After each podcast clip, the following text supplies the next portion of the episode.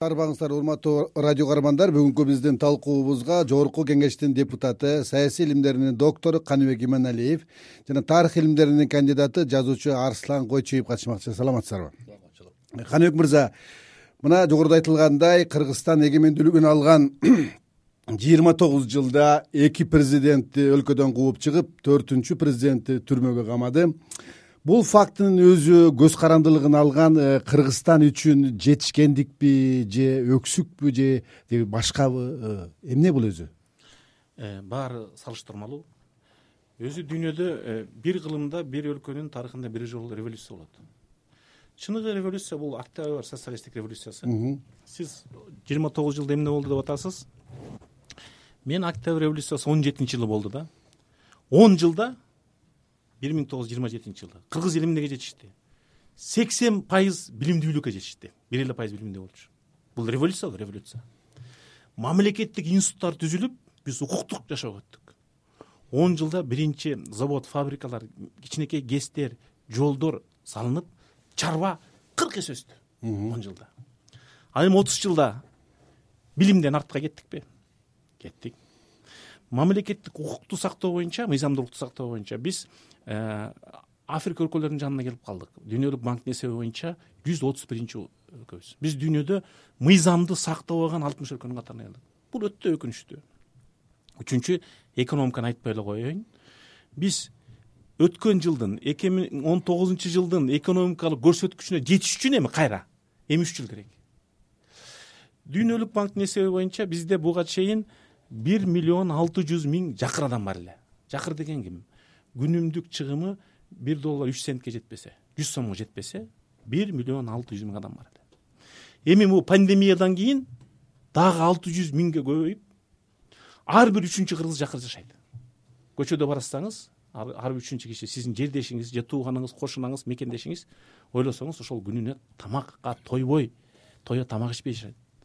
Бүтүлүү кийим кийбейт жетиштүү медицинага камсыз болбойт жетиштүү билим албайт жетиштүү мамлекеттик кызматтарга ээлер эмес.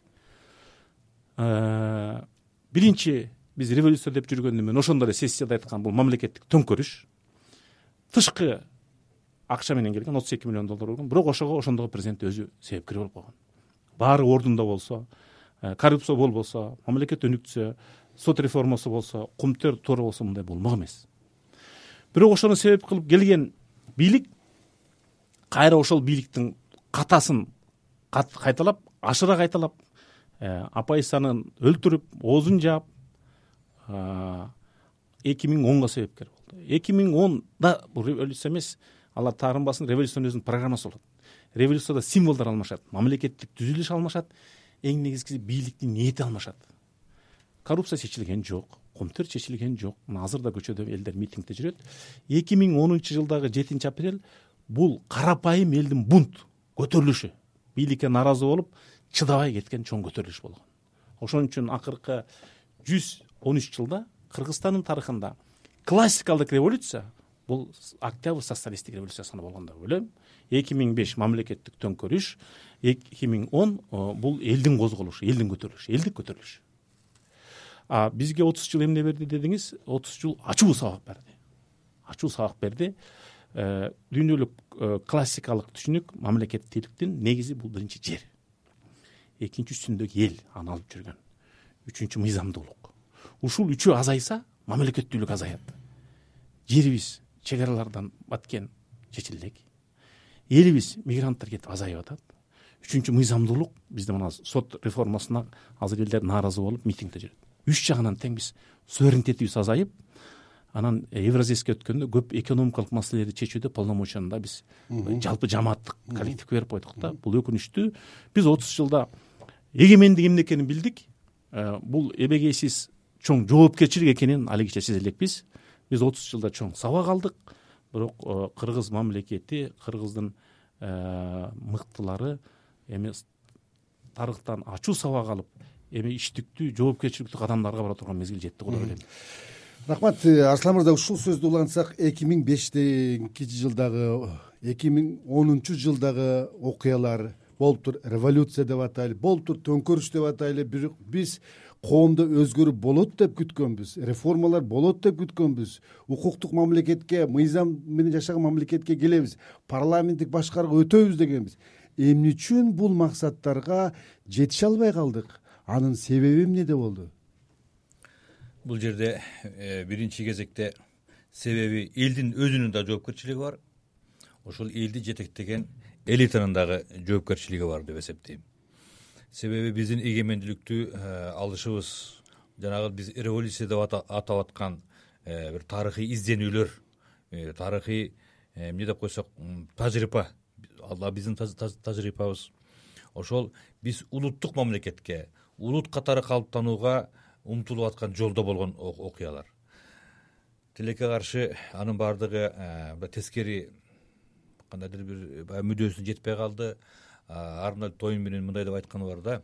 Могул э, он тогузунчу кылымдын экинчи жарымында жыйырманчы кылымда ушул улутчулдуктун улуттук мамлекетти түптөөнүн жолуна түшкөн улуттар тилекке каршы. Жанагындай бир пассионардык э, духу жоктон пассионардык энергиясы жогунан аянан лидерлеринин улуттук мамлекетти түзүүгө умтулууга умтулганына карабастан улуттук мамлекетти түзө алышкан жок деп. Мына биз тилекке каршы ошол категорияга киребиз. Э, тойнбиге айтпай эле коелу мына бул жакынкы эле он э, беш жылдыктагы дүйнөлүк жанагы э, изилдөө уюмдарын синк танк деп коет баардыгы кыргызстанды failed state.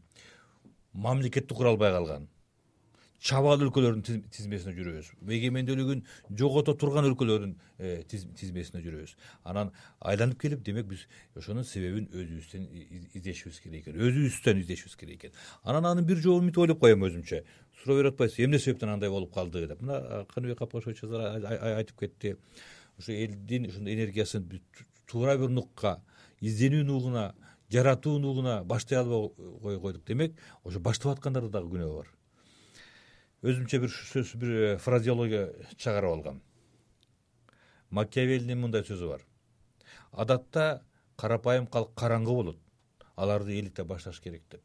Тилекке каршы эми ушуну айтпашым керек эле бирок кыргыз элинин мисалында айта турган болсок бизде эл гана эмес элитабыз дагы караңгы. Ошо дипломду көтөрүп жүргөн мен деле караңгылардын катарындамын. Мен деле билимдүүмүн айткым келбейт. Биз кошо э, караңгы экенбиз. Бул экинчи анан мына ушулардын баардыгын ойлоно отуруп биз э, улуттук тагдырыбызды талкуулашыбыз керек эле. Тилекке каршы ушу улуттук тагдырыбызды да айтып коеюн. Улуттук тагдырыбызды биз талкуулай албай койдук. Анын э, кесепетин мына азыр көрүп атабыз. Ошол караңгылыкты сиз себебин каяктан көрүп атасыз? Биз мурунку совет заманынан келаткан жолдун өзүбү же болбосо отуз жылда бир түптөп бир фундамент же болбосо пайдубал жасай алган жокпузбу эмне анын себеби мындай эгемендүүлүк деген биз үчүн эмне? Эгемендүүлүк ошо бир миң тогуз жүз сексенинчи жылы токсонунчу жылдардагы эгемендүүлүккө улутуу ириде орустан кутулуу болчу. Э, бул биздин кылымдардан берки кыялыбыз. Ириде биз кытайдан эмес америкадан эмес орустан орусташуу саясатынан кутулалы деп дегенбиз да. Айланып келдик дагы биз кайса кайра ошол орусташуу саясатына моюн буруп бердик. Моюн сунуп бердик. Орус менен мамиле күтүү. Бул кадыр барк келген бир э, өзүбүзчө бир э, жол жобону иштеп чыгып алды э, орус менен сүйлөшкөн саясатчы бул кыйын саясатчы деп эсептелип калды биздин кайрадан. Кайра өзүбүз ошолорго моюн сунуп берип атабыз. Орус пропагандасын кайра жүргүзүп атабыз. Эми мен орустарга каршы эмесмин мен дагы айтайын. Ошонун оош кыйышын талкуулап отуруп өзүбүздүн улуттук тагдырыбызды ашыкча аларга э, моюн сунуу. Ашыкча алардын ийине келүү эмнеге алып барат дегенди ойлонушубуз керек эле да. Э, каныбек мырза ушул сөздү улантсак э, коомдо ушул пикир үстөмдүк кылган учурлар көп аябай. Кыргызстан өз алдынча эгемен саясат жүргүзө албайт.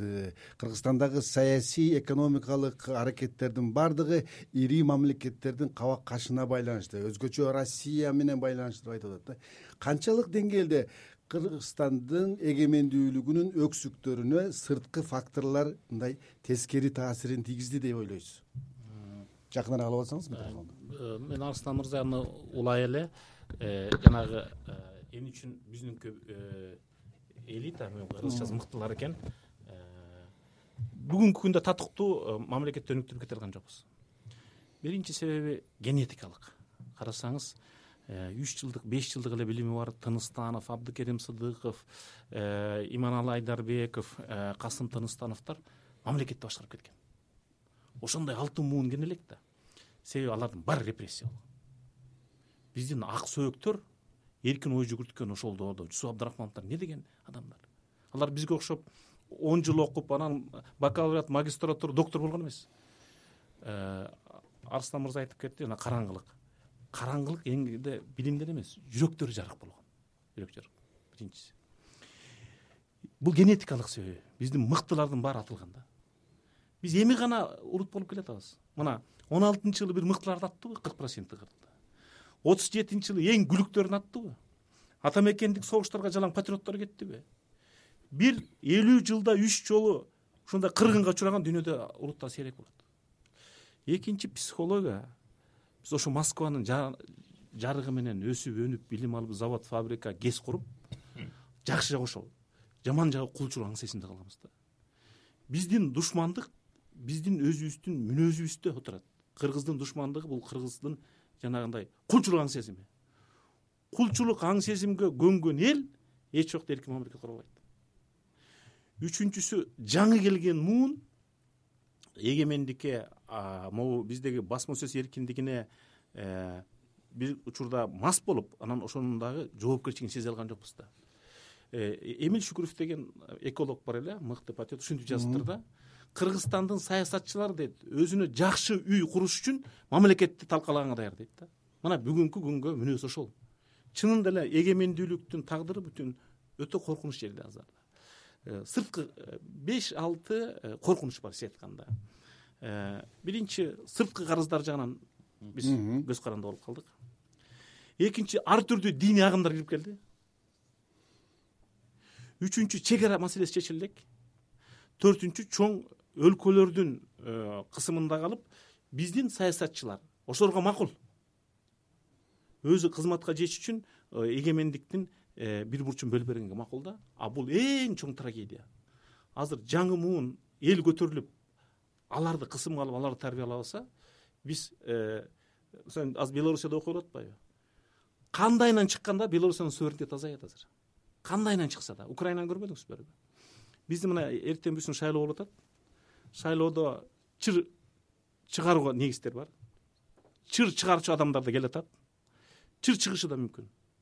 Аягында эч ким утпай мамлекет утулуп калышы мүмкүн да.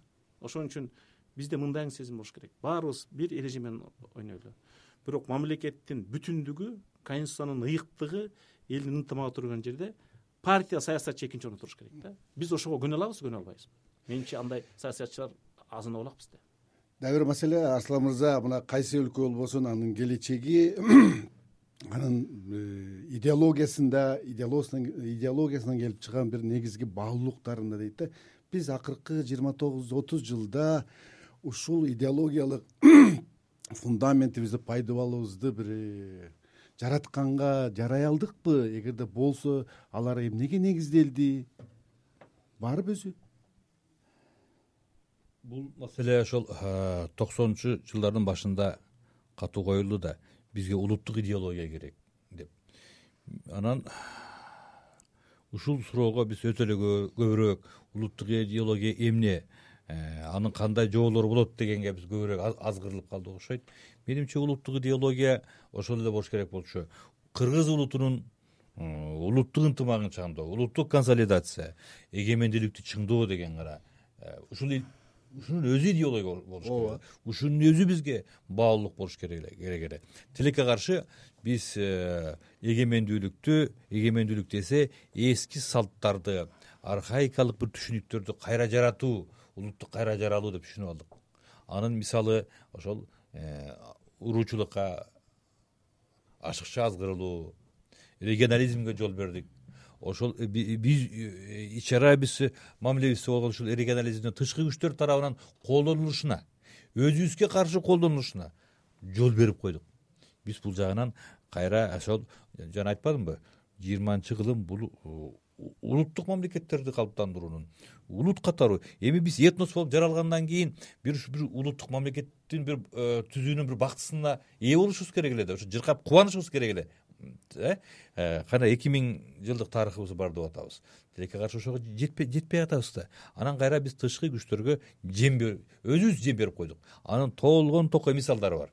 Анын арасында жанагыл э, кыргызстандагы бийлик алмаштыруу э, шайлоо маселелеринде өзүбүз барып ошолорго жалдырап аралаштырып атабыз мына жанагы айткан сөзүмө дагы бир жолу далил эгемендүүлүк десе биз эски салттарды. Себеби эскиде да ошондой окуялар болгон. Бир аймактын кайсы бир саясий кайсы топтун э, алсыратуу үчүн тышкы күчтөргө таянуу биз ошого жол берип атабыз. А биздин э, карап өтсөк ата бабаларыбыз жанагы айткандай мыктылар. Э, андай аракеттер да болгон. Тышкы күчтөрсүз. Кыргыз өз жолун өзү тапсын кыргызча турмуш жөнү болгон экен деп жанагы белек солтораевдин сөзү бар. Он алтынчы жылы хан көтөрүп атканда алар конституция жок э, саясий партия жок бирок урааны ошондой. Кыргыздын эскиден калган турмуш жөнү болгон турбайбы ошону калыбына келтирели деп. Ошол турмуш жөнүндө эмгичекти чекти таба албай атабыз да каныбек мырза сиз экономикалык саясат жөнүндө айттыңыз. Э, коомчулукта дагы мындай сөз бар. Кыргызстан эгемендүүлүк жылдарында өз алдынча Э, көз каранды эмес экономикалык саясат жүргүзө алган жок.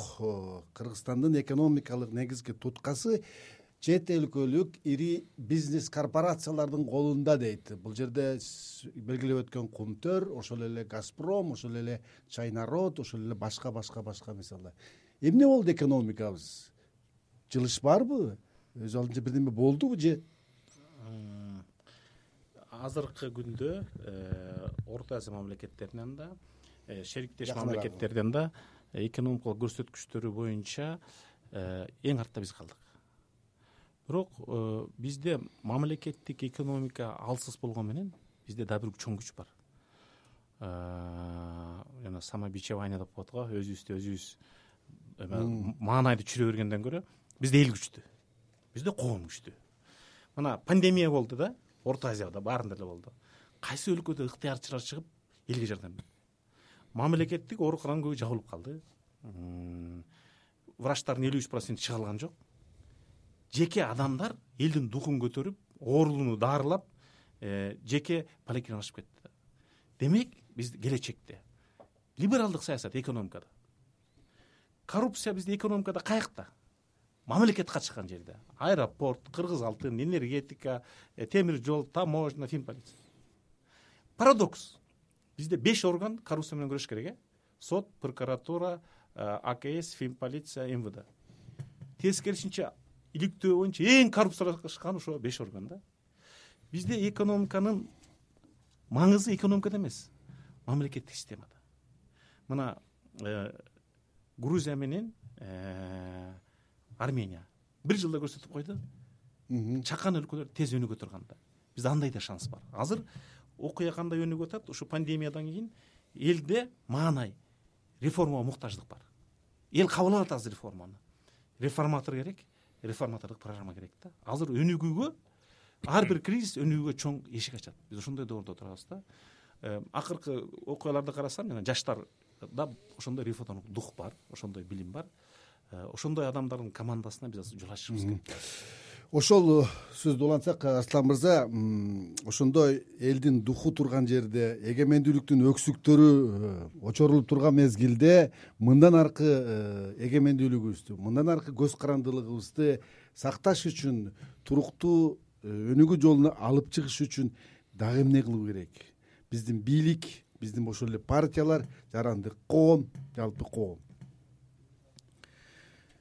эми бул жөнүндө кенен чонон э, кеп кылсак болот бир ток этер жерин каныбек капашовичтин сөзүн улагым келип турат. Бизге жаңы элита керек болуп турат жаңы лидерлер керек болуп турат. Бул этностордун өнүгүү тарыхында бир жерден э, бир илгерки заманда ушу көчмөн кыргыз элин көрүп ошолордун ушунчалык революциячыл дух көчмөн духту байкап катуу күндүк ушул элге бир лидер жок экен деп жазганы эске түшүп атат да. Мына биз соңку жылдары мына ушундай э, жаркын жана абдрахмановдордун касым тыныстановдордун деңгээлиндеги лидерлердин муунун чыгара албай атабыз. Эмне себептен айланып келип азыркы система. Моногул партиялык тизме деген мен жана жана сөздү бекер айткан жокмун. Улуттук тагдырыбыз жөнүндө бир талкуу улуттук деңгээлдеги талкуу болуш керек керек эле деп. Азыркы система менен биз лидерлерди чыгара албайбыз. Лидерлер бар таланттуу адамдар бар мыкты жаштар бар мыкты билимдүүлөр бар. Элдин арасында бирок алардын акчасы жок. Биринчиден. Экинчиден алар моногул партиялык тизме деген э, система аркылуу парламентке келе албайт. Эл көзүнө көрүнө албайт. Алар ошол ошто таласта нарында көлдө турушат байкуштар. Бирок биз алардын жолун бууп салдык. Биз кайра өзүбүздүн келечегибизге э, балта чапкан бут тоскон жолтоо болгон системаны түзүп алдык да каныбек мырза ушуну ойду жыйынтыктап берсеңиз эгемендүүлүктү бекемдеш үчүн ушул жерде сөз э, саясий элита жөнүндө кеп болду улут лидери жөнүндө кеп болду алдыда турган парламенттик шайлоо болгондо да ушул процессте ушул окуяда бизге жаңы жүздөр жаңы элита келчүдөй барбы? Сиздин баамыңызда үмүт барбы ушундай андай болсо? Э, биринчиден ар бир бүгүн э, кыргыз мамлекетинин тагдырын үчүн жооп берем деген Э, саясатчы депутат э, коомдук уюмдун башчысы э, жана келаткан кандидаттар бир нерсени сезиш керек. Эң ириде кыргызстанда төңкөрүш менен бийликти алмаштыруу жакшылыкка алып келген жок. Демек легитимдүү президент ордунда калыш керек. Муну күн тартибине алыш керек. Шайландыбы? Жыйырма үчүнчү аяныч чыгыш керек. Себеби бизде балекеттин баары президентти алмаштырганда келип оңдойбуз дейт. Төңкөрүш жолу менен келген бир отуздай кишинин үй бүлөсү байыйт калгандары байыган жок азыркы президент легитимдүү. Туура. Экинчи азыркы президент менен келген парламент сот адилеттин камсыз кылбаса бул кризис улана берет. Бизде эл акча издеп митингге чыкпайт адилеттүүлүк издеп митингге чыгат. Акыйкаттыгы камсыз боло элек. Үчүнчү э, бүт эле чарбачылыкты президентке жумшай бербей ушул эле конституциянын негизинде э, жеңип чыккан партиянын лидери премьер министр болуп өкмөттү курап жоопкерчиликти алыш керек. Президент эл аралык саясатка коргонууга чек арага улуттук маселеге э, стабилдүүлүккө ошого жооп бериш керек да. Туура. Биз конституцияны толук духунда иштетип башташыбыз керек. Болбосо ушул бүгүнкү кризис улана берет да. Ушул мен жаңы нерсени алып кереги жок жаңы конституцияны да алып кереги жок.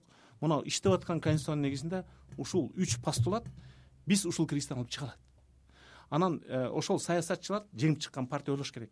Менин гана партиямдын адамдары эмес сыртта окуп жүргөн. Азыр жаңы партияга кирип өтпөй калган жаш лидерлерге э, грузияда ушу жаштар даярдады да. Биз ошолорго орун беришибиз керек. Реформаны ошолор кылат. Жок мына бүгүнкү э, парламенттик шайлоого даярдыктан улам э, айтып атам да сиз дагы мындай баам салып турасыз аралашып атасыз дегендей мындай ушундай бир жаңы элита келчүдөй бир маанай бир көрүнүштөр барбы болмок болмок. Тилекке каршы биз могул онунчу жылдан бери он жыл убакытты коротуп алдык себеби ушу менен үчүнчү жолу партиялык парламенттик шайлоо өткөрүп атабыз. Биринчи шайлоодон кийин экинчи шайлоодон кийин биз ойлонушубуз керек эле бул система менен жаңы элитаны чыгара албайбыз. Э, талкуу болду. Деп жаңы деңгээлге андан ары өскөндүн ордуна биз ошол бойдон калып калдык. Жок бүгүнкү тизмелерди карап э, карагандан кийин сиздерде бир ой пайда болдубу жаңы келер келип атыптырбы же баягылар баягыларбы алар бар бирок алардын келүүсүнө шарт азыраак. Э, себеби аларда каражат жок саясий тажрыйба да жок. Айылга барганда тигүү дейбиз бирок көп жерде акчага өтүп кетип атпайбы азыркы системаны аны ачык айтышыбыз керек да. Бирок жеңип келген партия баары бир реформа кыла албаса эл аларга да нааразы болот. Жеңип келген партия ошол күчтөрдүн командасын түзүп ал партиянын мүчөсү эмес деле адамдар болушу мүмкүн да. Алып келе алса мына ошол улуттук жоопкерчилик улуттук вазыйфа деп сезем. Жок менин эле партиям ректор болсун декан болсун деп бир жолу чыкпадыбы эки миң андан да кайра артка кетебиз кайра өнүкпөйбүз кайсы партия жеңип чыкпасын жеңилип калганбы же партияда жокпу э, азыркы өкмөттө да бир эки үч адамдар бар. Жаңы замандын технологиясын түшүнгөн менеджментти түшүнгөн. Ошолорду кошуп жаңы команда менен келип кыргызстанды көтөрүп койсо болот. Биз жана кыйынчылыктын баарын айттык. Бирок биздин экономика өтө чакан эле. Жүз кырк жети миллиард сом болгон бюджетибиз. Ошонун отузу да быйыл чогулта албай атабыз. Бир жылда дебейин эки үч жылда кыргызстандын экономикасын оңдоп койсо болот. Ал үчүн биринчи шарт мен президент болом дегендер эки миң жыйырма үчкө даярданыш керек ага чейин унуш керек. Экинчи шарт сот адилеттүүлүгү себеби бизнести талкалаган биздеги соттогу коррупция. Үчүнчү реформатордук духта өкмөт алып келиш керек рахмат урматтуу радио көрөрмандар бүгүн биз кыргызстан көз каранды эместигин алган жыйырма тогуз жылда эгемендүүлүк жылдарында эмнеге жетишти?